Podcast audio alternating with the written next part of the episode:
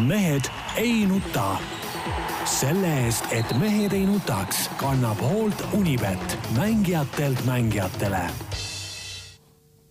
tere kõigile, kes meid kuulavad ja vaatavad. mehed ei nuta taas kord eetris ja Tarmo Paju Delfist. olen, tervist. Peep Pahv Delfist ja Eesti Päevalehest. tervist. tunnen ka. tunned ka, jah? tunnen kaasa ei, ma tunnen ka Peepu jah, jah. ja Jaan Martinson Eesti Päevalehest, Delfist ja, ja igalt poolt mujalt ja siinkohal te tervitame tartlasi, kelle juures me käisime, mis päeval, laupäeval? laupäeval.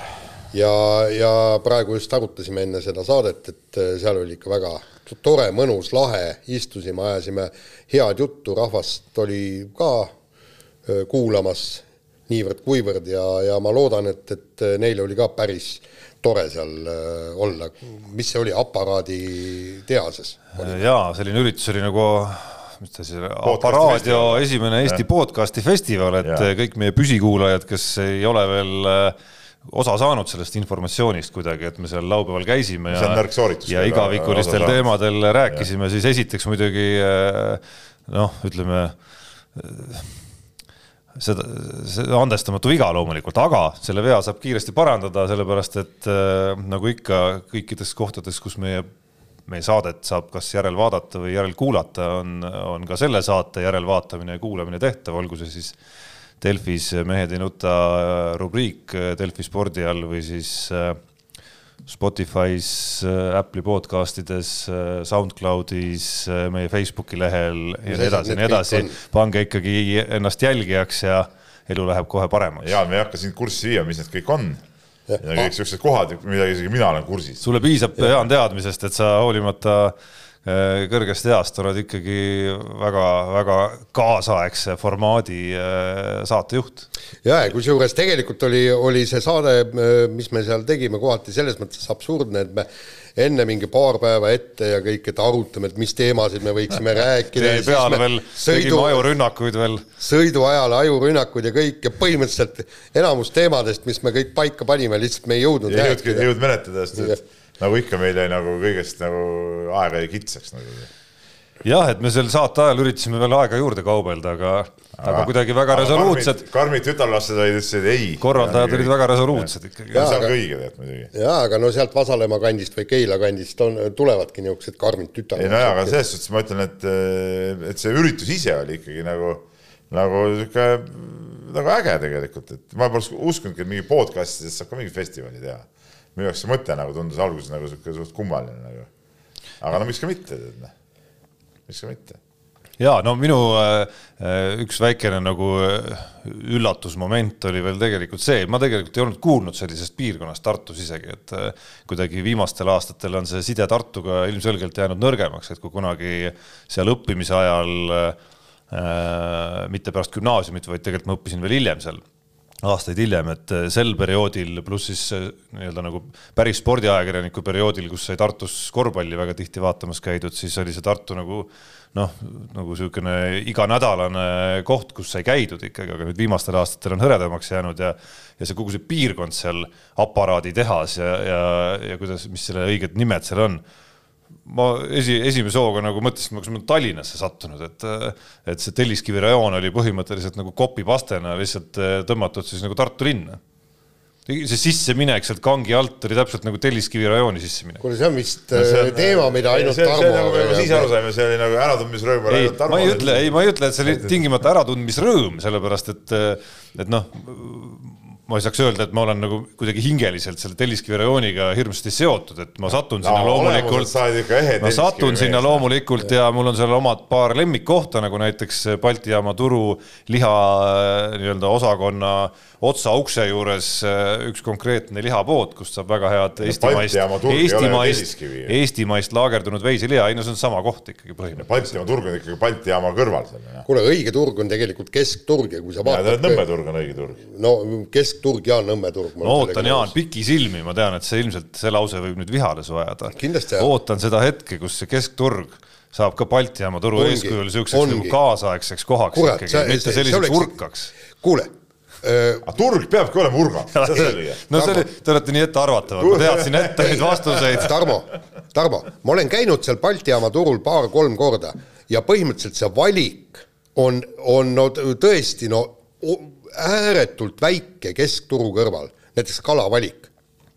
tundub, et meil ongi kogu Eesti peale ongi ainult Norra lõhe ja kõik, punkt. meil rohkem kala öö, ei ole ega midagi. mis kala sa veel sööd peale lõhe siis? okei okay,, mingi hetk lesta, siis sa seda saad ju rannast osta, eks ole. ei no rannast saab igalt poolt osta no, jah. no aga mis, mis, kala sa veel siis tahad? no aga kellel on okei okay,, see, praetud räime jah, okei okay,, ka väga hea. Aga no mingid ma ei imekalasid, ma ei ütle Jaan valiku kohta midagi, aga valik võiks ju alles jääda, aga noh, üleüldine selline miljöö võiks natukene niisuguseks viisakamaks turu, muutuda. turu point ongi see, et ta on siuke punk, noh, mõistad, ta on siuke punk, et, et siin on mingi see pähklikotike, seal on liha ripub seal laua peal, samas mingi rott silkab sealt kuskilt lettide vahelt läbi, tead, pika Jah. sabaga. vot see on nagu, see on nagu õige turumiljöö, tead, absoluutselt. mingid mutid kisavad, ostke seda, ostke seda, ma ei tea, kas seal Jah., kas seal Baltimaa turul keegi hüüab niimoodi või? ma ei ole ostke makarone. ma ei ole ka keskturul siiski kuulnud, Peep, selliseid hüüdeid ammu enam. ma ei ole ka turul muidugi käinud kakskümmend aastat. väga hea. nii, kuule, lähme spordi juurde vist, vist või jätame poliitika vahele, seal on niisugune pornograafia toimub. ja see ajab vererõhku üles ainult, et eile õhtul, eile õhtul oli see juba päris kõrgel. toimub peale selle, mis vererõhu üles ajas ja seal ma muidugi nõustun, väga harva, kui ma euronoorega pean nõustuma, aga jutt käis vist katuserahadest, eks ole. no jutt käis jah, see, ma ei, ei taha sinna minna, aga jutt käis jah sellest uudisest, kuhu kõige rohkem katuseraha äh. Asi ei olnud isegi ainult selles, kuhu kõige rohkem läheb, vaid et, et mingisse sektorisse, mis on Eestis nagu marginaalne, ütleme see kirikusektor, marginaalne, et sinna läks ka kokku nii palju.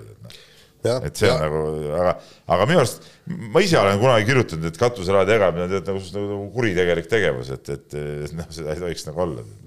ja, ja kuskil ke,, kellel oli see väga hea juhtkiri äkki meil või kus öeldi, et, et lõpet-, lõpetagu valitsus see lolli mängimine ja, ja praegu igal pool riigid juba äh, alustavad vaktsineerimist, neil on kõik plaanid paigas, kõik on täpselt teada, kuhu need külmkonteinerid liiguvad, isegi äh, paljudes riikides on äh, pandud paika juba, kus kohas toimuvad tes-, need vaktsineerimised, kes esimeses järjekorras võetakse meil, meil rahulikult nokitakse see nina. vaktsineerimine on kõige tähtsam asi muidugi praegu, et siis ei peaks juhtuma ka selliseid asju, nagu ma täna lehes kirjutasin, et siin sporti tuleb hakata kinni panema ja nii edasi, mis on nagu kõige hullem asi üldse kogu nende piirangute juures.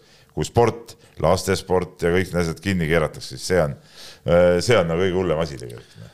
no ja sport on äh, kahjuks ainult üks väike tilgakene ka seal veel, et. ei no ma, ma saan aru, minu silmis nagu on see nagu kõige, kõige hullem asi nagu nii, räägime aga- rõõmsatest asjadest. ja räägime rõõmsatest asjadest ja ausalt öeldes noh, ega ammu-ammu ei mäleta enam nii vinget äh, talispordi nädalavahetust, kui nüüd äh, näi-, läinud reede, laupäev, pühapäev olid. ja noh, ütleme niimoodi, et, et üllatusi tuli paremalt ja vasakult ja, ja lõi aga oota, oota, Jaan Oota,, Jaan, oota, oota, rahu nüüd, rahu No, nüüd ei, Jaan, võta nüüd kõigepealt No, võtan rahulikult. aga mis, mis, mis nendest oli üllatus? minu jaoks oli ainuke võib-olla kerge üllatus oli äh, Arti Aigro äh, see, et tema stabiilne tase on esimese hüppega hüpata sinna, sinna kolmekümne sisse ennast. see oli võib-olla kerge üllatus. Miski muu, miski muu üllatust ei pakkunud. oota, mitte esimese hüppega kolmekümne sekka, vaid ta oli esimese hüppega öö, No, viies või kuues. öö, kümnes ja viies, nii et okei. kümne sekka. aga ütleme kahe hüppe jaoks veel stabiilsust pole, aga ülejäänud see, et see, et äh, Ilves sõidab nii, ma ütlesin siin eelmine saade juba ju. ei, ta ei sõida Sa nii, ta ei no hüppab nii. no, no minu, noh sõida või noh, see, et ta, et ta tulemused on seal esikümne sees, seda ma ütlesin eelmine saade siin. No põhimõtteliselt kaks korda see vi- oli nagu loogiline, Jaan. ei ole ta nii see loogiline, ei täiesti ole loogiline. ja see, et Tuuli Toomingas on võimeline praegu seal tippudega eh, võrdselt saama, see oli ka ju selle Rootsi katsevõistluse pealt nagu näha noh. ja minu arust sa, Peep, hakkasid nagu valest kohast kinni natukene Jaani sissejuhatusest, et et võib-olla tõesti nagu ei pea rääkima nendest kui üllatustest, aga, aga minu arust on põhjust nendest rääkida kui, kui lihtsalt väga positiivsest nädalavahetusest, aga oota just, just, aga üllatused. aga millest see, millest see iva on see, ma tahaks korra tulla tagasi meie selle laupäevase esinemise, esinemise juurde, et natuke hakkas see päeva lõpuks tagasi sõites närima isegi, et et kuidagi mm, seal jäi ka kõlama, et kõik on nagu, et noh, kui me üritasime seal Eesti sportlasi nagu paika panna ja järjestada, et kõik on nagu jube kehvasti, onju. et noh, tegelikult oli nagu ikkagi suurepärane nädalavahetus, kus ühel hetkel sellesama laupäeva lõpuks noh, võtsid näiteks Delfi spordi näiteks lahti ja siis see MK-etapil viienda koha saanud mees ei olnudki nagu esiuudis isegi sellepärast, et, et ta on viies juba varem olnud, pluss oli nagu nii-öelda nagu Tuuli Toominga selline nagu võib-olla natukene suurema ohhooga selline elus esimest korda ikkagi nii kõrgel, selline hetk nagu nii-öelda, mis riisus tähelepanu nagu endale, et ega selliseid nädalavahetusi meil nagu väga palju olnud siiski ei ole. Ja kui sa ütled, et kas see oli üllatus või mitte, siis jah, üks asi on näidata seal hooajaeelsel võistlusel Rootsis Tuuli Toomingal seda, seda, et vist on areng toimunud, teine asi on Kristjan Ilvesel näidata Norra meistrivõistlustel, aga kolmas asi ja see õige asi on ikkagi MK-etappidel need asjad ka nagu mingil moel ära vormistada. nii, pikk vastus, hakkame sellest pihta, Tarmo, ja sa oled üks kuradi imelik mees muidugi, hakkame sellest pihta arust sina olid ainus, kes eh, käis meist Tartus koos abikaasaga, oli nii? jaa, sa sõitsid ka üksi, eks ole? jaa, loomulikult. me sõitsime üksi, me oleme niisugused härrad muidugi, et kolme, kolme käisid kõik kolme autoga loomulikult Tartus, eks ole. nii, ja seal ainus, kes käis koos naisega, eks ole ja veel ikkagi ütleme suhteliselt noore abielumehena, no siin pole poolteist aastat otsa kuulanud, nii. ja siis ta tagasiteel, temal hakkas närima mingi see saate asi, no mida kuradit, kas sul ei ole nagu mitte mingit mõistlikku temaatikat nagu prouaga äh, nagu rääkida või ma ei tea, ma pean, on ta täna tööl või ma lähen pärast, äh, äkki ta tuleb siin saate lõpus äh, lõunalauda viima, eks ole. vot siis ma tulen teiega kaasa, ma pragan tead, et võta see, võta see asi nüüd. oota, ma ütlen, et ta ei tuleks ikka siis. et, et no mis asja, noh et see ei ole ebareaalne, nii, aga nüüd lähme edasi nagu põhiasjade juurde. kuule, kui need, eh, okei okay,, ma saan aru, kui oleks seal, ma ei tea, kolm nädalat tagasi olnud need proovivõistlused, asjad, et siis päris võistluseks eh, noh, ei tea, mis võib juhtuda. kuule, kui nädal tagasi teeb Ilves seal äh, siuksed tipp-topp võistlused, ega see nädalaga ta see vorm nüüd kuhugi ära ei kao siis näe. no me rääkisime ka Kadri Lehtlast eelmine nädal näiteks ja ta ei, ei olnud samal tasemel, mis ta oli seal Rootsis võistlusel, nii et see ei ole nagu kirjutatud kuskile ja, no, üles. Kadri Lehtla see..., ütleme, tema oli Rootsis nagu üllatus, tema oli üllatus, aga see, et Ilves, kes on kogu aeg näiteks seal Norra koondisega treeninud, ta on ju äh, varasemate looaegadel ka ikkagi näidanud ja et okei okay,, jätame see eelmise hooaja siin kõrvale siin need muud probleemid, eks ole. no Tuuli Toomingal samamoodi. ja Toomingal samamoodi, aga ta on nagu näidanud oma taset juba, et ta on võimeline seal tasemel olema ja kui ta juba hooaja eel Norra meeste vahel oli sellel levelil, siis nädal hiljem on loomulik, et ta on ka selles esikümne konkurentsis igal juhul. Sama asi on see Toomingaga, noh, et kui ta nagu oli seal heal tasemel, tal on kõik alused olemas, et olla kõrgel tasemel, siis miks ta nädala pärast peaks kehvem olema, noh. ja oligi, oligi õige. jaa, aga Tarmo, vaata need alad ei laske suusatamine. Peep või Tarmo? miks sa mulle vaatad otsa ütled, kuule Tarmo, eks ole. seda hullemat asja ei saa nagu enam juhtuda. jah, et äh, jutt ei ole tavasuusatamisest. Nii kahevõistlus kui ka laskesuusatamine, seal on imeväikestest asjadest kinni. Kristjan Ilvese teine ei, võistlus. nüüd on imeväikestest asjadest kinni. ei no noh, kui, kui sa jooksed oma, oma sadat meetrit stabiilselt üheksa, üheksakümmend kuus, siis ei saa aga kui sa jääd seal stardis natukene mingi nõksa hiljaks, siis no, enam ei jookse üheksa, üheksakümmend kuus. no jooksed üheksa, üheksakümmend seitse, aga, aga näiteks Ilvesel oli väga hea näide, oli ju see teine võistlus. suusahüppemäel ei, ei läinud asjad nii ja ei olnudki esikümnes ja täpselt sama Tuuli Toomingal on ka üks lask mööda ja üldjuhul see, see on spordiala spetsiifika, et üldiselt seal ongi nii, lased ühe või kaks lasku mööda, sa ei saa kuhugi, hüpe ebaõnnestub, sa ei saa kuhugi, aga üldjuhul need head sportlased ikkagi enamus võistlustel on samad sportlased tipus ju, e, olgem ausad. palju oli nulliga laskjaid? oli, oli täiesti näppu täis, viis-kuus. nii. noh, ja, ja eeldada, et nüüd Tuuli Toomingas kogu ei, aeg okay kas ta nüüd seitsmes oleks pidanud olema, ta oleks ühe möödalasuga olnud ka seal täitsa normaalse koha peal. jaa, aga noh, ei loomulikult on selge, et äh, kui ta on, kui ta on nii-öelda kahekümnendates suusaajaga, siis ta ei hakka kogu aeg olema esikümnes, et see eeldab nagu, et see eeldab laskmises nagu selget õnnestumist, aga see rõõmus osa just ongi see, Peep, olgu ta nüüd kelle jaoks üllatus ja kelle jaoks mitte, ongi see, et niisama Kristjan Ilves kui ka Tuuli Toomingas, kelle eelmised hooajad, eelmine hooaeg siis, no läksid ikka, kõik, kõik teavad, et neil on potentsiaal olemas, kõik nad liikusid hooaeg varem ikkagi juba selgelt nagu äh, maailma tipule lähemale, et nad pärast seda, seda nagu väga nõmedat hooaega ikkagi reaalselt on oma taseme ikkagi tõstnud ja nad tõestasid selle praegu MK-sarja kõige kõrgemal tasemel ära aga mis, ei, ma olen ka rõõmus. mis on, mis on oluliselt kõvem tõestus kui see, kas ja. Norra või Rootsi meistrivõistlustel. loomulikult on tõestus, aga ma ütlen, ma tahtsin öelda, et Jaani see üllatusjutt mind nagu häiris, aga rõõmus oleme loomulikult, ma siin minu arust enne propageerisin ka, et kõva nädalavahetus on tulemas, et, et siin nagu tasub, tasub üht-teist eh, oodata. aga, aga olete tähele pannud, me ei ole sõnagi rääkinud murdmaa äh, suusatajatest, kes avasid samuti hooaja no. ja seal oli siis Marko Kilt, noh, tema sai oma traditsioonilise äh, Ruka etapi no nagu ikka, ta kvalifikatsioonis sõidab hästi ja, ja mees meie juures sõita ei oska. aga oota, enne no. kui läheme murdmaa juurde, ma tooks korraks laskesuusa juurde tagasi.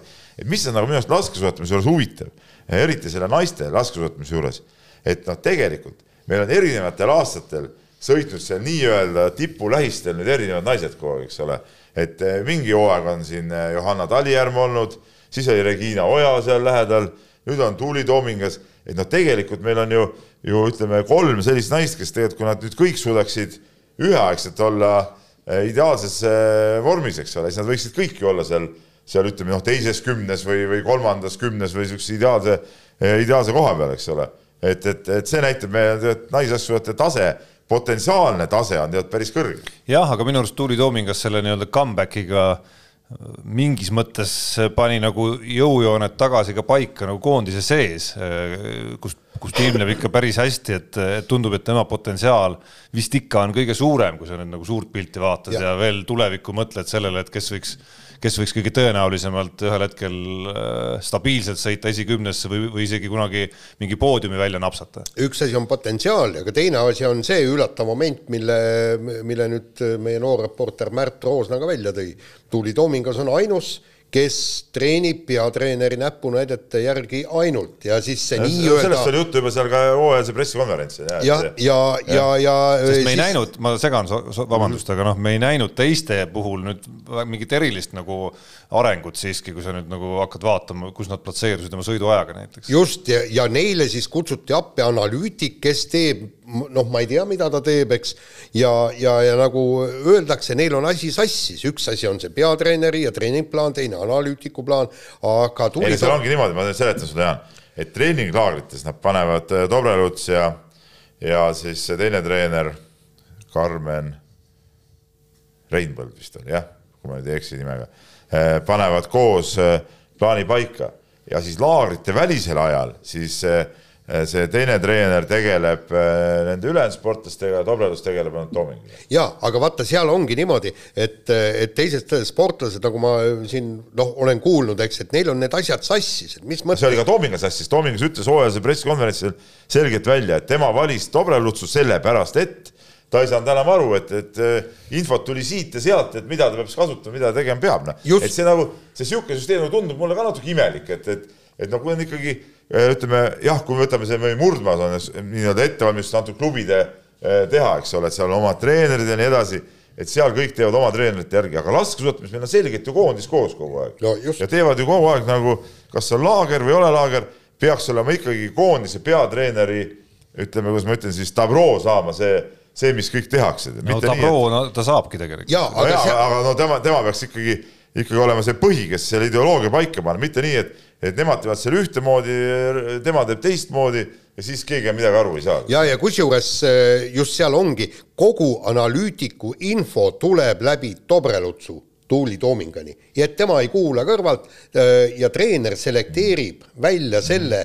mida oma õpilasele öelda, mida mitte. ja see ongi nagu õige, see ongi õige. jah, ja nii, nii peaks aga teistel ei ole nii, sellest ma räägin, et see on nagu see tekitabki nii palju nii palju segadust. aga ma ja. pean ütlema, ma ei taha sealt Tuuli Toominga juurest veel ära minna, et, et kuidagi nagu kui me siin nagu positiivset liini veel üritame hoida, et kuidagi väga nagu südant soojendav ja päriselt kohe nagu sõna otseses mõttes kogu see, kogu see esikümnesse jõudmine ja see lugu minu jaoks vähemalt oli, võib-olla natukene veel tänu sellele, et ma üsna värskelt olen kuulanud ka Kalev Kruusi intervjuu ära Tuuli Toomingaga, kus siis lahati neid tema, tema mitte ühekordseid raskusi, vaid, vaid päris mitmekordseid raskusi seal juuniorieast äh, väga paljulubava juuniorina ülestulekul, et küll kopsuklamüüdiat, küll ikkagi nagu totaalne nagu tugisüsteemi puudumine seal kõrval, kus ta ise pidi otsima juhututtavate kaudu põhimõtteliselt üldse, et leiaks arsti, kes nagu diagnoosiks, mis tal viga on.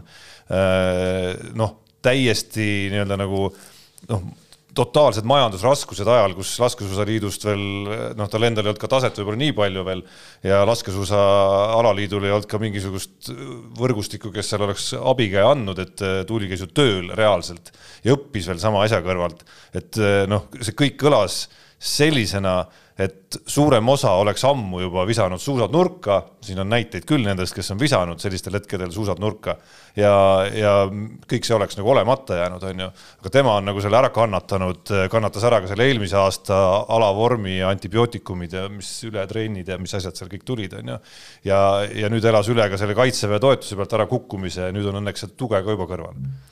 tõesti, müts maha. ja ei, nii on. ja, ja, ja noh mis me siis räägime, murdmaasuusatamisest, eks Kilp sai omad äh, punktid kätte, aga distantsisuusatamist meil ikkagi ei ole ja lõppkokkuvõttes meil läks aga seda no, ei kilbi... saanudki olla, jaa, vot see ka ei ole üllatus, et meil seda ei, ei ole. ei, ei see ole üllatus. minu arust see, ei, see, see põhiküsimus pigem, sa räägid nendest ülejäänutest, kus noh, tõesti ei olnud midagi oodata, nüüd on see, kas Kilbi puhul jääbki see taaskord pikk tükil ajal selleks traditsiooniliseks hooaja esimese võistluse veerandfinaali pääsuks või me hakkame seda stabiilsemalt nägema? jaa, aga, aga, aga siin nüüd ongi see küsimus, eks meil oli viis inimest stardis, üks ainult lõpetas, teised ronisid rajalt maha, nad positsioneerivad ilmselt ennast kui sprinterid, sellepärast et ei viitsi öö, suusatada pikemaid distantse ja, ja selle pealt on, ei no mis on? Noh? ei, midagi kõik on õige, Jaan. ja, ja siit ongi õigus, õig-, õigustatud küsimus ongi see, et, et mida te nõuate?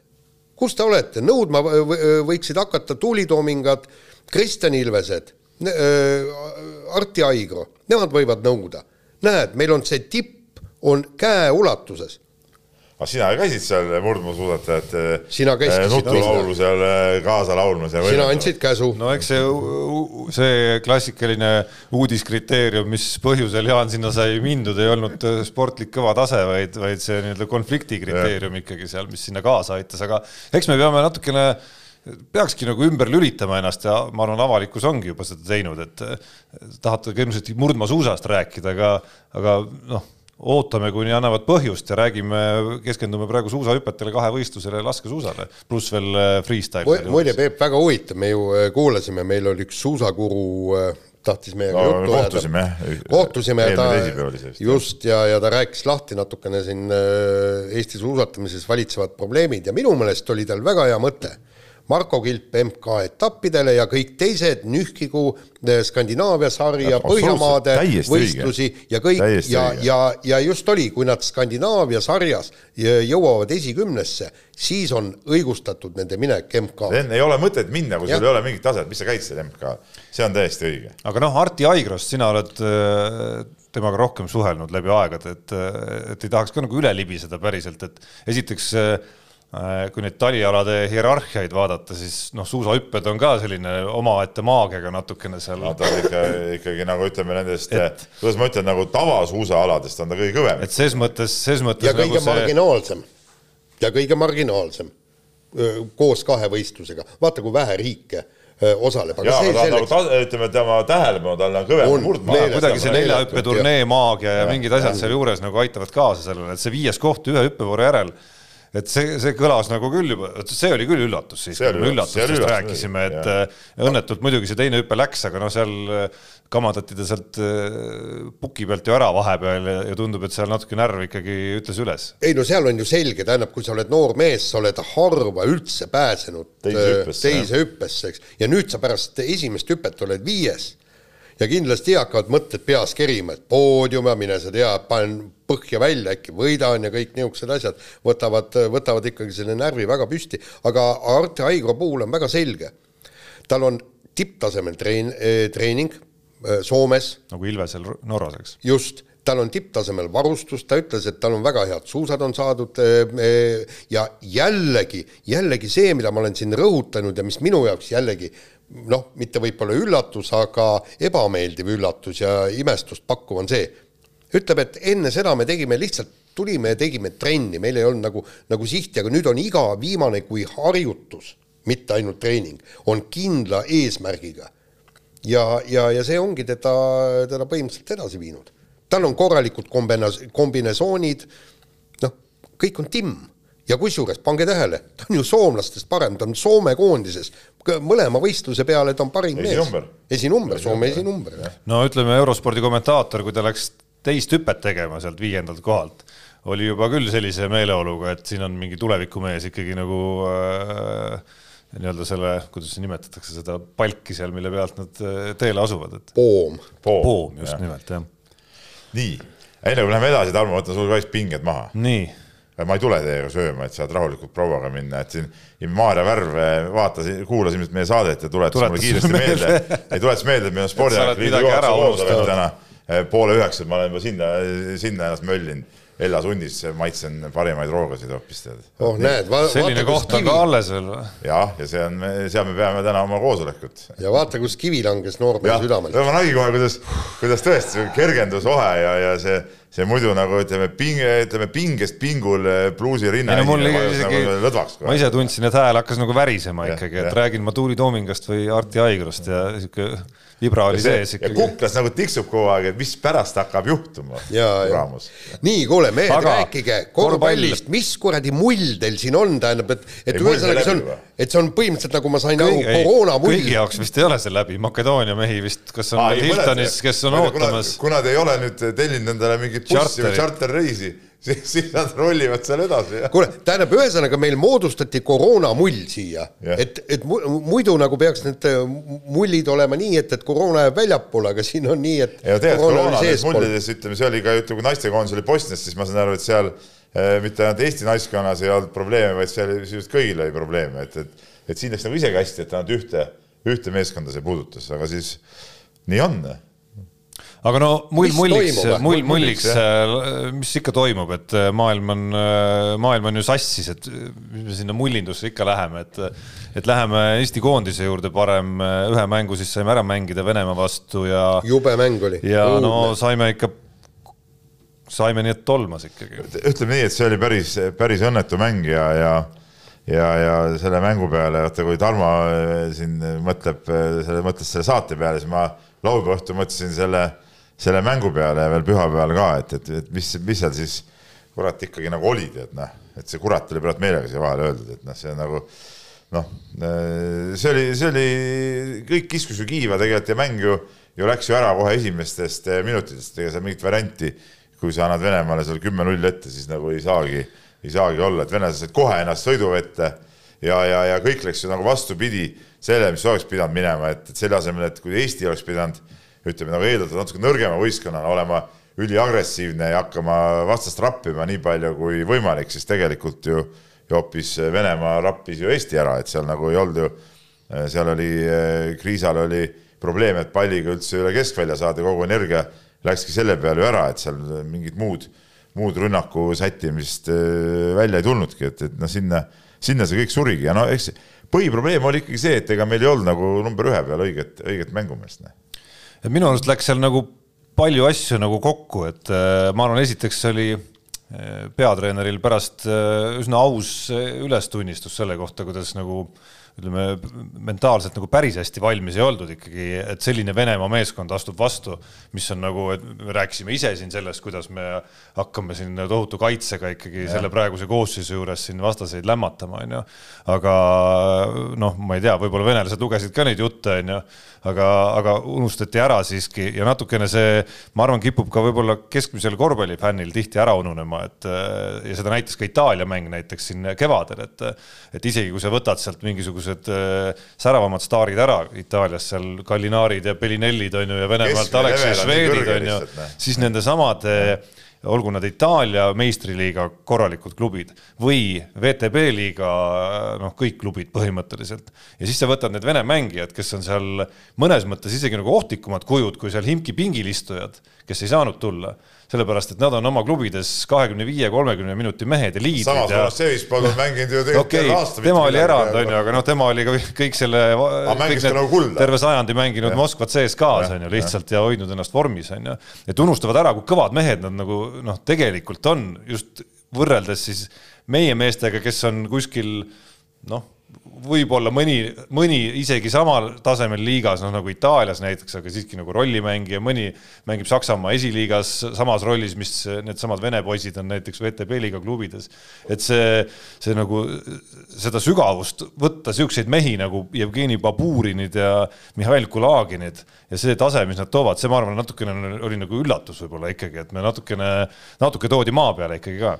no ta ei olnud nagu üllatus, et seda võis ju nagu eeldada, et, et et neil on seda, seda jõu, võimu ja, ja, ja see, et nad tulevad just nagu selliste hagijatena ka veel, et selles mõttes Sergei Bazarevitši eest tuleb müts maha võtta, et muidugi. seal ma saan aru, tehti korralik laager Äh, mis, mis tegi silmad ette vist kõikide muude koondiste laagritele, see, kuidas Venemaa sai oma mehed varem kokku juba. ja, ja, ja tuldigi umbes niimoodi nagu ikkagi noh, see pilt oli natuke nagu taanlased leedukate kallal no mis, mis oli, mis oli omaette, mis oli omaette nagu silmapaistev vaatepilt. jaa, see oli silmapaistev vaatepilt, aga ma tahaks ikka seda Eesti koondist natuke rääkida, et, et, et, ähm, et noh, nüüd võib-olla mõnes mõttes see kaotus oli isegi nagu hea, et, et, et siin nagu natuke toodi jälle nagu maa peale tagasi, et minu arust see mull peale seda Leedu võitu läks nagu liiga, liiga suureks nagu juba, et, et hakatigi arvama, et. kuigi seal Soomes juba no, toodi natukene. no seal öeldi jälle, et me olime nagu väsinud ja, ja noh, seal tulid need mingid muud vabandused, aga nüüd nagu ei saanud mingeid vabandusi nagu tuua otseselt, et et, et see mäng nagu näitas täpselt ära, mis, kui meil on mõned liidrid puudu, et ega ja need, kellest me siin oleme ka palju oodanud, noh, olgem ausad, noh, Kriisal jah, võisid olla no, sada on, muud põhjust, kõik need reisid ja no ja ajavahed ja olematu mängupraktika nagu Riisa puhul arusaadav.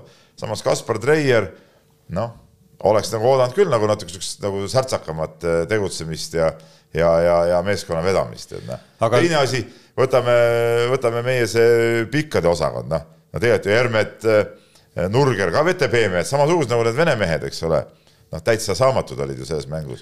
Äh, Kitsing seal selles meistrite liigas, eks ole noh, on ka kõvasti mänginud, alguses vaatas, et ohoo, et venelased pole teada nagu scouting, et pani oma need kolmest ära, aga pärast tõmmati niimoodi kinni, et ei saanud, saanudki rohkem peale visata, kui esimese veeranda visked olid. jah, aga noh, Kitsingu minu arust mitte viskele pääsemine oligi kõige ilmekam näide selle kohta, et kuidas Venemaa kaitse meie mängu tegelikult nagu ja mängu juhtimise ka nagu ära lõhkus, et Kitsing ei ole ju mees, kes ise endale viskekohti hakkab looma, et aga... Venemaa lihtsalt ei lasknud nendel tekkida enam. teine asi oli ka, ütleme, Kitsingute, Hermetite ja Nurgerite see kaitsemäng, kuidas need Äh, kattekattes mängus need venelased seal kogu aeg vabaks jäid, seal oli ju kooskõlastamata, kas jäädi kuskile hiljaks, kas ei räägitud õigel ajal.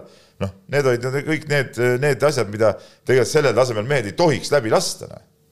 aga noh, ma ütlen. see on puhas, see, see ongi puhas taseme näitaja, kuidas sa nendes olukordades hakkama saad ja neid kokkuleppeid ellu viid. Noh. aga noh, selgelt mingid objektiivsed faktorid aitasid veel nagu võimendada seda, et see vahe oli, ma ei tea, mitte viisteist, aga oli kolmekümne kandis lõpuks on ju, et noh seesama ootus, et Gerg Riisa tuleb otse USA-st, olemata mänginud pool aastat üldse mingisugust võistluskorvpalli. see oli alusetu ootus.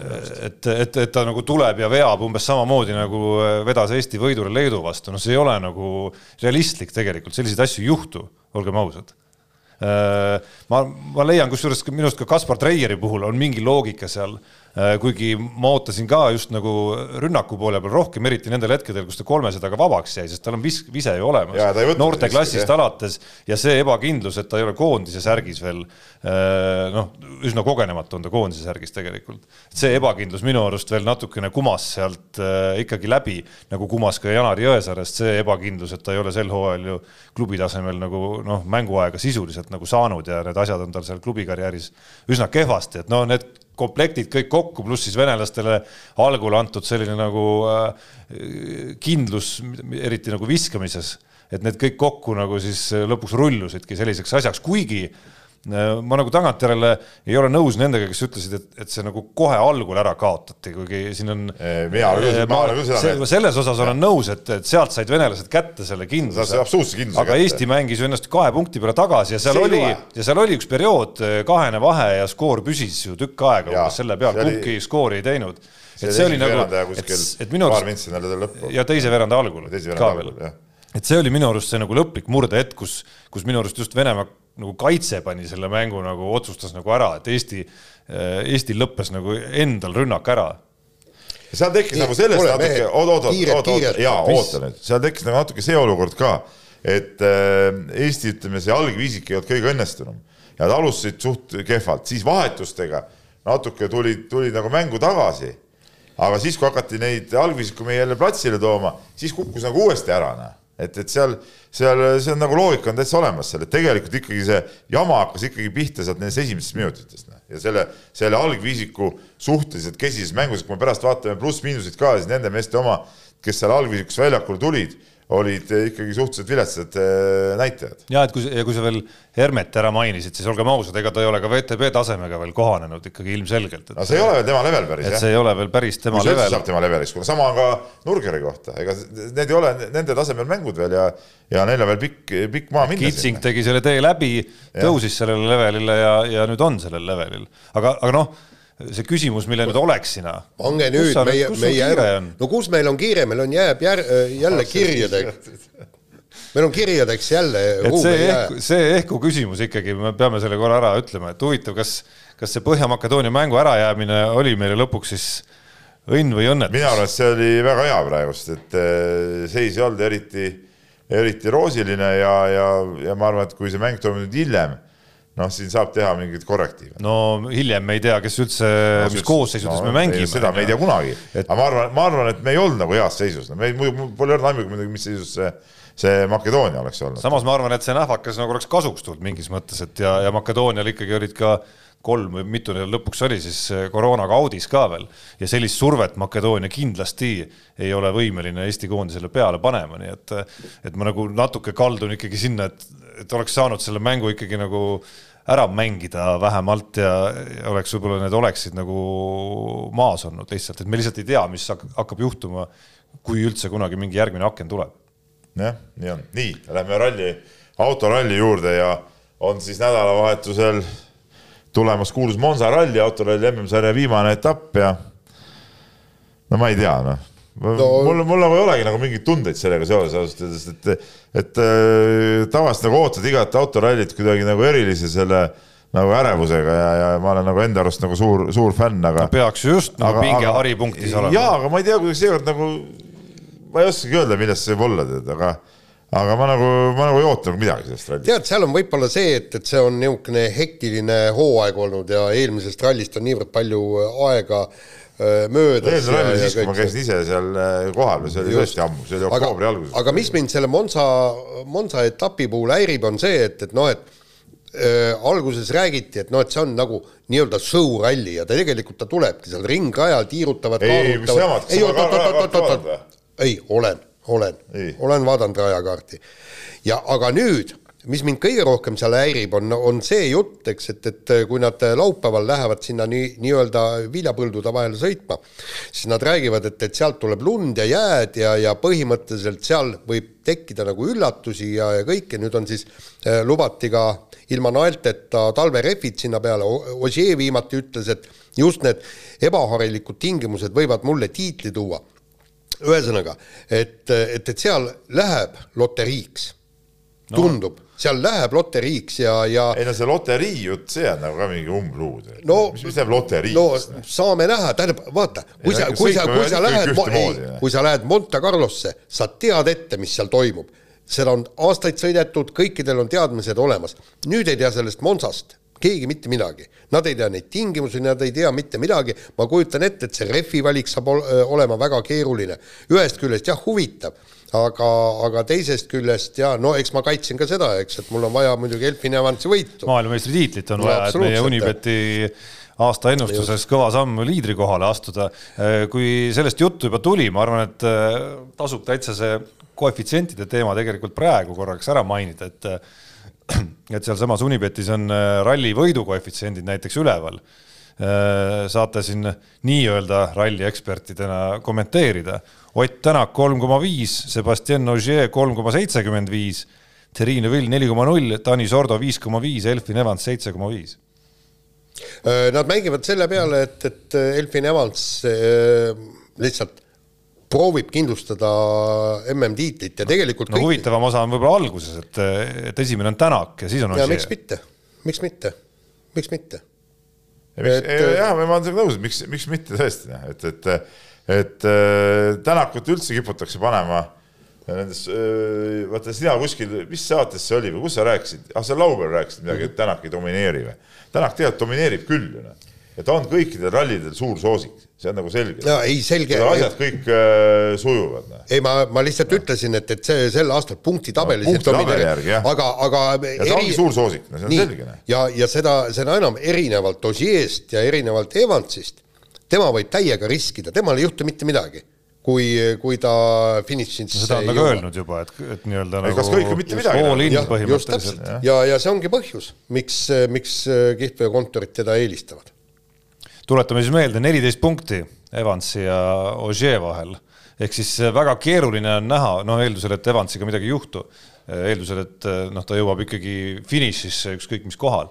väga raske on näha Ogier varianti, kui ta ei võida Monza rallit ja lihtsalt ja, punktid ei klapi. ja, ja kusjuures Evansi, Evans hoiab ju pöidlaid ilmselt ka Hyundai meestele. tema ideaal oleks ju see, et, et kolm no, Hyundai'd võtaksid no,. ta ei tohi seda, nad peavad võitlema ka äh, tiimi esikoha eest. ma räägin, see personaalse. siis tuleks MMT... vallandada niisuguse mõtte eest. nii, et ta tahaks. mõtlemine on kuritegu. jah et te, tema ideaal oleks ju see, et, et kolm Hyundai'd oleksid äh, poodiumil ja. ja siis tal oleks määratult lihtsam äh, Osieega võidelda no ta ei ise kõigepealt eksida, tal hakkab sellest pihta, et kui ta ise ära käkerdab, siis on kõik need mehed talle ohtlikud, ükspuha, kes neist sealt äh, võidab, eks ole. no meenutame siis, mis ta on siis, manufaktuuride tabeleid ka, seitse punkti Hyundai edu Toyota ees. manufaktuurid ja Kreekani manufaktuur oli vanasti selline, selline ettevõte tõesti olemas, kas kas nad ka osalevad seal tšempionaadil või? no ma ei tea, manufaktuur nad on, aga, aga põhimõtteliselt äh, Andrea Adamo, Hyundai boss ütles, et meie keskendume ainult ja ainult meeskond, meeskondlikule tiitlile nii et ega see all-in seal nüüd ka nii all-in ei pruugi olla, et no, ütleme, igal juhul on auto vaja finišisse tuua. no on küll, aga õnneks on tal ju mehed, kes teda aitavad, tal on vähemalt, Hyundai'l on vähemalt no ülejäänud Neuvill ja, ja Sordo vist sõidab seal, eks, et, et need, nemad on nagu nii-öelda kindlustajad. nii, laseme kõlli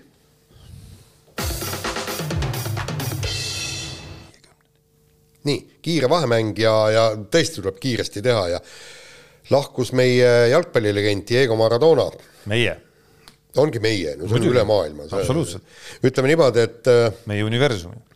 Äh, minu lemmik on kogu aeg olnud Brasiilia ja Argenti-, Holland, Argentiina, nad on kõik seal, seal nagu ühes potis ja ja, ja see ikkagi minul õnnestus ju vähemalt nii-öelda teadlikult vaadata kõiki neid Mara-, Maradona mänge ja kõike neid nautida ja sedasama mängu otseülekandes vaadata Inglismaa vastu, legendaarset mängu, seal küll ei näinud, et, et see käega oleks äh, värav löödud, eks, et sa ei näe, ei, et ühesõnaga, see on huvitav küsimus, mina ju ei, olin viieaastane sel ajal, kui, kui see toimus, et äh, ei. Äh, seitsmene ikka, et äh, et kas teleülekandes toona, kui te vaatasite, ei saanud mitte midagi aru? ei saanud, ei saanud, ei saanud, ei saanud, ei saanud. mina mäletan väga hästi seda. mina mäletan väga hästi seda ja, ja midagi aru ei saanud, see kõik tuli pärast alles. see tuli pärast, pärast jah ja. ja see jumala käsi ja kõik, kõik ja. see tuli, tuli järgmistel päevadel ja, ja muidugi see teine värav äh,. tuligi fotode vastu. pealt või noh, ütleme. jah, just tuli, täpselt. tuli näha see asi kuidagi jah aga teine värav oli jumalik. oli jumalik ja, ja, ja, ja ma kuulasin äh, siin Indrek Sveede pärast äh, Maradona lahkumist äh, vist Eesti raadios, Vikerraadios rääkis ja, ja, ja, ja ta tunnistas, et, et see selles mõttes on kahju, et seda Maradona mänge me, me ei tea ja meil ei ole kuskilt vaadata, kui ta Napoli eest mängis ja kui ta tšempioniks viis ja, ja kõik see, et, et toona ei olnud ju seda nii-öelda sotsiaalmeediat. ainult, ma mäletan kuskilt läbi udu äh,, ma olin vist Vene Kroonus, kui ta mängis äh, ka, eks ole, oli Itaalias ja vaatasin äh, seda, oli see meistrite liiga, mitte tollal polnud see meistrite liiga, vaid ta oli meistrite karikasarja või või oli see karikas, võitis karikasse mingi mäng oli ja siis ma nägin teda seal ühe klubi ees äh, mängimas, no see oli vist Napoli eest, eks ole. et, et mul läbi udu midagi mäletan ainult ühe korra, ega meil mingit ju reaalset no jah, see oli, see ei olnud nagu praegu, kus ei, äh, ma ei tea, mitmes viies, viies-neljas spordikanalis, mis meieni jõuavad, põhimõtteliselt kõik suurte liigade mängud on äh, teleris vaadatavad. ja, ja, ja siin, siin nüüd on tõesti, tegu on suure mängijaga ja, ja siia teemadesse on ka pannud see, et, et meie kuulus kuulus jalgpalliajakirjanik Ott Järvela arvab, et et Maradona ei saaks praegu Eesti liigas hakkama oma parimate päevade Maradona ja, ja siin me äh, rääkisime sellel, sellel teemal oleme äh, Tartuski rääkisime, et äh, vist rääkisime Tartus, et, et see on nagu absurdne. see oli jamps kuhugi. see on üks napakamaid teooriaid minu arust, ma lugesin selle, kogu selle. ma kohtungi täna nüüd. ma lugesin selle, teen talle märkuse. ma lugesin selle lõime siin, kas eile või mingi hetk nagu otsast lõpuni ka läbi, et see just nii totakat asja, mõtet ma pole ammu ei mäleta, just nagu ma saan aru, kui räägiks veel tänapäeva meistrite liigast võib-olla või, või Inglise liigast, aga aga ma ei ole tähele pannud, et Eesti jalgpallurid ka rahvusvahelisel, rahvusvahelisel areenil oma vägeva füüsise ja kiiruste ja ma ei tea, mille kõigega siin vastupidavusega hiilgaksid. ja võtame selle teise värava Inglismaa vastu ja vaadake seda Maradona kiirust ja driblingut ja kui me tahame nüüd öelda, et, et meie praegused Eesti liiga mängijad on Maradonast kiiremad ja, ja kaitsjad on nii vägevad, et, et suudavad selle Maradona kinni peatada, noh siis vabandage väga Äh, nii, aga vahetame teemat. Eesti naiste korvpalli karikavõistlustel leidis aset äh, selline sarjast ainult Eesti, ainult Eestis äh, juhtum, kus ma siis. ei, ei, ei ole, ei ole. aga GNLS noorteliiga naiskond siis alistas korvpalliklubi OSK. ma, siin ei ole vist seost. oktoobrirejooni spordikool. on oktoobrirejooni spordikool. see koosneb, seal on muuseas väga kuulsad mängijad endised Gerli Koslaga eesotsas, äh, Heila Rosenfeldid ja. okei okay,, no seda, seda hämmeldunud ma olen. ta on, äh, koosneb põhimõtteliselt jah, ütleme oktoobri Rooni spordikooli endistest äh, naiskorvpalluritest. okei okay,, no seda hämmeldunum ma olen, et selle jutu. Maia Torbek on nende treener. selle jutu mõte on see, et Geenilist noorteliiga võitis siis neljakesi arvulisse vähemusse jäädes kakskümmend neli minutit mängides, võitis siis sellesama OSK Äh, kes ei suutnud siis kuidagi seda neljanaiselist maa-ala kuidagimoodi lahendada. miks sa üllatunud oled? Äh, sellepärast, kui sa ütled, et seal Oskis ja. On veel nagu kogenud mängijad, mängijad, siis nemad eriti võiksid veel sellega hakkama niimoodi. saada. Nad ei jaksa niimoodi. ei no sul on neljane maa-ala vastas. noh, ei no neljast maa-ala, ega nelja eh,, pigem oleks tulnud nende rünnak ära nullida, sul on võimalus igale poole kahekesi peale minna pallile kogu aeg. see, kui sul seisavad seal neljakesti maa-alas, ega see, see ei ole lihtne sul lahendada seal ei no ta on harjumatu kindlasti. harjumatu ongi. ta eeldab ilmselt äh, eemalt päris äh, ja. seda, et sul, et sa eemalt sisse viskad. no täpselt, peaasi arvestades sellega, et nad on ikkagi äh, treenitud tüdrukud, aga need ütleme juba daamid, eks ole, võib-olla pole nii heas füüsilises vormis. ma olen ise ka oma naistega kaks korda neid see aasta võitnud.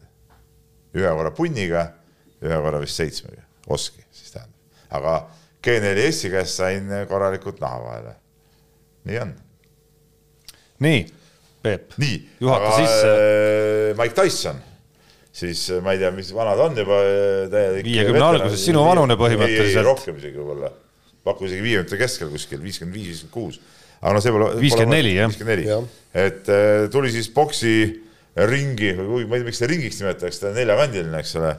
tuli boksikasti tagasi ja, ja, ja boksis ühe teise taadiga seal no mina seda matši ei vaadanud, ma tunnistan ausalt. ma ka ei vaadanud, aga et, vähemalt visuaalselt juba ega see kõige suurem asi enamus ei olnud, ma arvan. kuigi kusjuures eh, nii palju, kui ma lugenud olen, siis tegelikult eh, on üllatavalt kiitvad hinnangud, et täitsa oli boksi moodi. aga kas ta, kas ta üritas ka vastasel kõrva hammustada küljest või? kuulge, ma, ma ei vaadanud. tema nagu stiilis ju. jah, ma ei vaadanud seda põhimõtteliselt juba sellepärast, kui selgusid reeglid, sa ei tohi vastast nokauti lüüa. naljaboks no mingit show-võistlust, nagu te teate, ma ei hinda ei allstar mänge ega mingit show-võistlust, mitte midagi. ja sellepärast mul on täiesti savi, mida see Tyson seal tegi ja mis ta endast arvab ja mis ta on. no allstar mängul ma veel saan nagu aru, kuidas on võimalik show-mängu teha, aga võitlusspordis tundub nagu, nagu arusaamatu, et sa nagu kuidas sa, kuidas sa nagu lõpuni saad garanteerida, et sa ei löö teist knock-out'i? kuule, äh, lõpetame. see, see selle... nagu kõlab juba liiga, eos. liiga palju totrand. oleme Tysonile aega. nii, aga läheme hüppame korvpalli juurde. just äh,, William Ra äh, Reimann, kuidas ta on? Läks äh, Saksamaale, Tartu Ülikool ostis liiga äh, liiga väärt mehe sai endale. no tegelikult on ju nagu paradoks no, et sul on, et eh, Eesti-sugused klubid, nad otsivad endale siis eh, hea hinnaga või tähendab nagu soodsa hinnaga häid mehi ja siis on kõva loto seal tegelikult käib sellega kaasas, kuidas siis mõni aasta õnnestub ja mitte.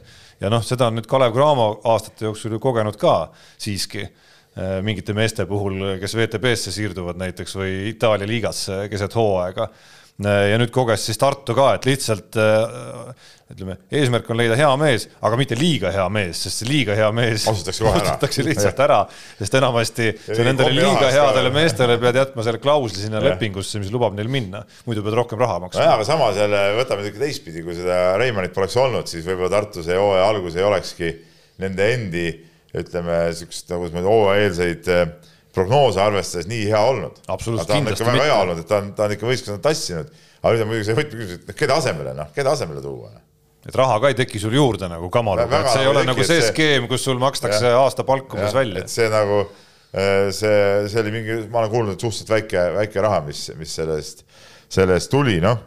ma ei tea, kas toovad välismaalt kedagi, siin on ka mõni Eesti mängija ripakil tead praegu, keda minu teada nagu on, on mõelnud või, või, või uurivad mitmed klubid, ma mõtlen siin Toomas Raadikut näiteks, kes tuli Rumeeniast tagasi. no päris hea debati minu arust ja arutelu pidasid siin äh, meie Pihtas põhjas podcastis siis Ivar, Gert Kullamäe ja Alar Varrak. ei ole veel jõudnud kuulata. ja võttis selle küsimuse nagu sel, selle nurga alt luubi alla, et näed, et Eesti liigast saab väga hästi minna ja lennata see, kõrgele. see absoluutselt. et lihtsalt me enamasti näeme seda tegemas siis välismaalasi, mitte, mitte Eesti korvpallureid. mitte enamasti, jätame okei okay,, see Jõesaar. ei no Janar Jõesaar on ka läinud. jah, ja Kitsing ka, noh, suhteliselt normaalsesse kohta ikkagi, aga no, ütleme, tõsi, VTB liiga pealt ka no jaa, aga. et, et antud juhul mängis ikka koduliigat. aga üldiselt ikkagi jah, no okei okay,, ma just tahtsingi öelda, et need Kalevist on läinud väga palju neid, neid mängijaid headesse kohtadesse, et ikkagi, kui sa siin Eestis nagu oled, no on võimalik nagu siit teha ja, ja, ja sellepärast ma mõtlengi, et,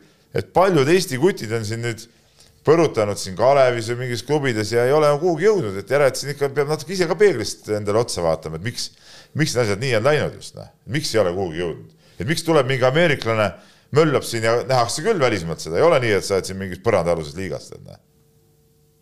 on ju. ja ei, nii on, kuigi ma arvan, mingi iva on ka selles, et, et kindlasti eestlast tegemas Eesti liigas eh, selliseid numbreid versus legionäre tegemas, vaadatakse võib-olla teise pilguga ka natuke, et kui sa nagu oma koduses keskkonnas seda teed, siis juba mingi, võib-olla vaadatakse eemalt, et okei okay,, noh, kodus on igaüks kõva mees, on ju. aga no huvitav, kas sakslased tegid ka samamoodi nagu Tallinna Kalev võttis selle Kadrina Musta, et, et vaatasin, kurat, seal mingi mees on hea statistikaga, et võtame ära, siis ma koha peal vaatan, mis mees on. ma olen kindel, et tegid niimoodi ja et kui juba, kui juba Tallinna Kalev TLÜ nii tegi, siis, siis ma arvan, nii käibki asi maailmas. nii, nii asjad käivad. nii, niimoodi, niimoodi komplekteeritakse meeskond. kuule, kirjadeks siia. aga Eesti üks tuntumaid äh, ortopeede, spordiarste, mida kõike veel, Mihkel Mardna rääkis meil siin spordihommiku eriprojekti raames minu arust väga huvitava loo ja oma põhimõtetest, kuidas ta siis oma tervist hoiab ja, ja vormis hoiab ennast ja, ja kuidas ta garanteerib omale pika eluea loodetavasti. ja, ja, ja, ja paljastas siis oma hommikurutiini, hommikune roheline tee ja kümme-viisteist minutit harjutusi ja, ja miks see siia teemadesse sai minu arust, et, et, et see tõesti oli nagu selles mõttes nagu hariv lugemine natukene, soovitan täiesti, et ta tõi seal välja isegi mingid uuringud, mis näitasid siis, et et see nii-öelda hommikune liigutamine, kuigi ma ei ole absoluutselt hommikune liigutaja, ma tunnistan ausalt, kuigi ma nüüd Mardna jutu taustal mõtlesin, et ma täna proovin, kas peab paika. ma mõtlesin eile õhtused, aga täna hommikul mul oli see meelest läinud ausalt öeldes. et see nagu nii-öelda nagu päevavaates paneb sul nii-öelda nagu heale päevale ja tervisele parema alusega õhtune liigutamine et, et kuidagimoodi nagu ma ei tea, organismi tööle ja tekitab parema une sul õhtul ja nii edasi. aga no mees, kes no. kell kümme hommikul veel alles magab, no tema puhul ei olegi siin midagi nagu oodata, see käis no. Tarmo Pihtast. laupäeva hommikul helistasin talle. ma ei maganud, Peep, ära eksi faktidega. Äh, vastu ei võtnud, äh, helistas tagasi mingi unise häälega ja tuli välja, et mees alles lasi, lasi norinat, ütleme, ja minu telefonikõne peale siis ärkas lõpuks. no see on puhas no. vale fakt muidugi, nagu no. ikka sinu partei meestele on kohane. kuidas vale fakt? ma ei maganud noh, mis tegid seal voodis siis? ma lihtsalt. kas sa voodis midagi veel peale magama? rullisin lihtsalt. ei hakka voodis, ei hakka sinu kõnet vastu võtma. aa, rullisid, ma, ma siis korraks ikkagi tulen äh, siit äh, läbi. aga mis enda kohta öelda, siis mina hoian ikkagi korvpalliromaani hommikuvõimlemisest äh, raudselt kinni, see koosneb peeretusest, kahest kükist ja kusele minekust. no seda on näha, et see kannab sind hästi. see kannab hästi sind jah. ja need sõnad siis kuulusid kuulsale Aleksei Tammiste, noh, ütleme prototüübile rallile. nii. laseme kõlli. laseme kõlli. Unibetis saab tasuta vaadata aastas enam kui viiekümne tuhande mängu otseülekannet. seda isegi mobiilis ja tahvelarvutis.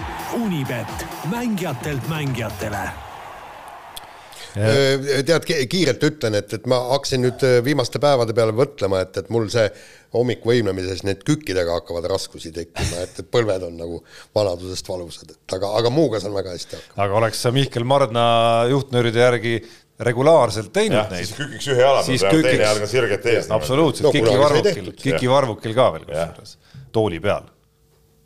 aga, aga Unibetist rääkides, siis äh, ma räägin kõigepealt äh, eripanusest, et äh, me natukene juba seal liinil käisime ära ralli teema juures ja kui äh, nii-öelda tavapanus Ott Tänaku rallivõidule on äh, koefitsiendiga kolm koma viis, siis mehed ei nuta eripanusena saab äh, pisut parema koefitsiendi neli koma null.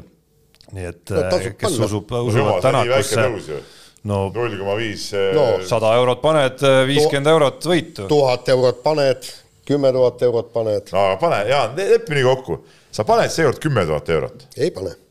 miks? aga mis sa pakud siin inimestele siis? ei no sulle pakkusin. mulle noh, mulle pole mõtet pakkuda, sa tead, ma ei pane. nii, aga kuidas läinud on?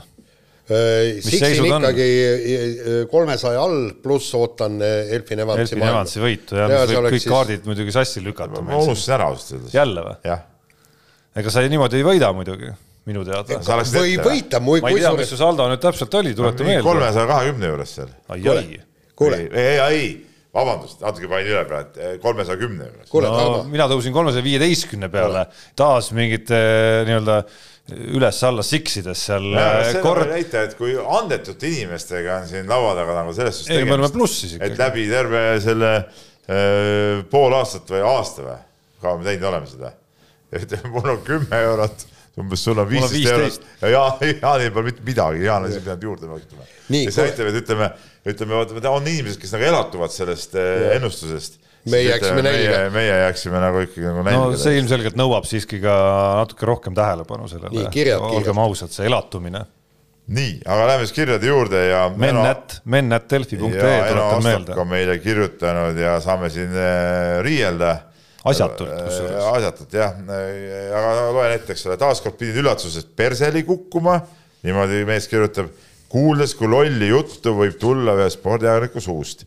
ilmselgelt selle tõttu, et päris hästi ei ole endale selgeks tehtud, mis on NBA ja kuidas see toimib ning mis on erinevus Euroliigaga ega midagi, siis tuleb ise selgitada. no siin ta selgitab pikalt ja laialt, ma ei hakka seda, see kiri on nii pikk, ma ei hakka, ei hakka seda kõike siin ähm, ette lugema, toob siin Euroliiga ja NBA veel, veel võrdlused ja kõik. ei, see kõik on meil teada, Eno, ära nüüd äh, muretse, võid, võid vahepeal nüüd püsti tõusta, kui sa oled nädal aega seal niimoodi pikali maas olnud sellest üllatusest. et see kõik on teada, et keegi ei rääkinud sellest, et et, et nendest erinevustest, vaid küsimus selles, et minu arust see NBA draft, mis ma veel kord nüüd ütlen sulle, et sa tähelepanelikult aru saad, ei, ei tähenda seda, et kui sind draftis ei valita, et sa siis ei saaks NBA-sse minna, et sellel ei olegi nagu mingit tähtsust, NBA-sse ikka samamoodi minna. ei no Ja see oli see mõte. ma arvan, et see suurem iva oli see, et millesse ma ausalt öeldes ei tahtnud eriti kinni jääda seal, kui me arutasime, et noh, jutt oli sellest äh, Pooli vennakesest, kes kolmandana, kui ma õigesti mäletan, valiti seal on ju. ja kellest on jäänud siin ikka selline nagu noh, natuke nagu korvpallitola mälestus, eriti seda siin, eriti sellest ajast, kui ta siin käis, on ju, aga noh, teiselt poolt absoluutselt, et eh, NBA klubide jaoks on suhteliselt kahjulik siiski ka nende kõrgete draftivalikute lihtsalt tuulde viskamine. et, et eesmärk on neid kasutada ikkagi ära ja, ja, ja kasutada selliste meeste peale ära, kellest võivad nende vedajad ja staarid lõpuks saada siiski. et noh järelikult ta nii hull mees olla ei saa, see, et ta meile mängustiililt absoluutselt ei meeldi, on ju, ei tähenda veel, et, et temas ei oleks seda potentsiaali. temas on see kaubanduslik väärtus, nagu me siin ka rääkisime. ja, ja kusjuures peab ka muud kindlasti olema midagi ta natuke ikka mängida oskab, aga noh, see on Aga nagu kuidas- kohutav korvpall. aga selge, et kuidas- ärge jääge nüüd sellesse aga see, kuidas see kõik NBA-s nagu tööle hakkab, noh, see saab olema huvitav, et noh, ega ta ei ole ka mingi kaitsehiid olnud seal ju. ei, seda muidugi, seda muidugi. nii, meil on üks malekiri ka, mida Janno siia on meile saatnud ja kirjutab, et male on üks väheseid spordialasid, mis tipptasemel muidugi jätkub ja ta on siin toonud ka äh, ühe matši siin, mis äsja toimub, Magnus Carlson pidi siin noorele tõusvale tähele alla vanduma, aga siin kurjustab meiega, et Delfis ei ole nende asjade kohta mingeid uudiseid. selle asemel on justkui teisejärgulised lood, mis ei ole otseselt võistlustega seotud et kui näiteks malet rohkem kajastatakse, siis tekib ka inimestel huvi ja kasvab ka klikkide arv. No, No- ma millegipärast ma arvan, et, et male põhjal see klikkide arv nii, nii mühinal ei, ei kasva tegelikult.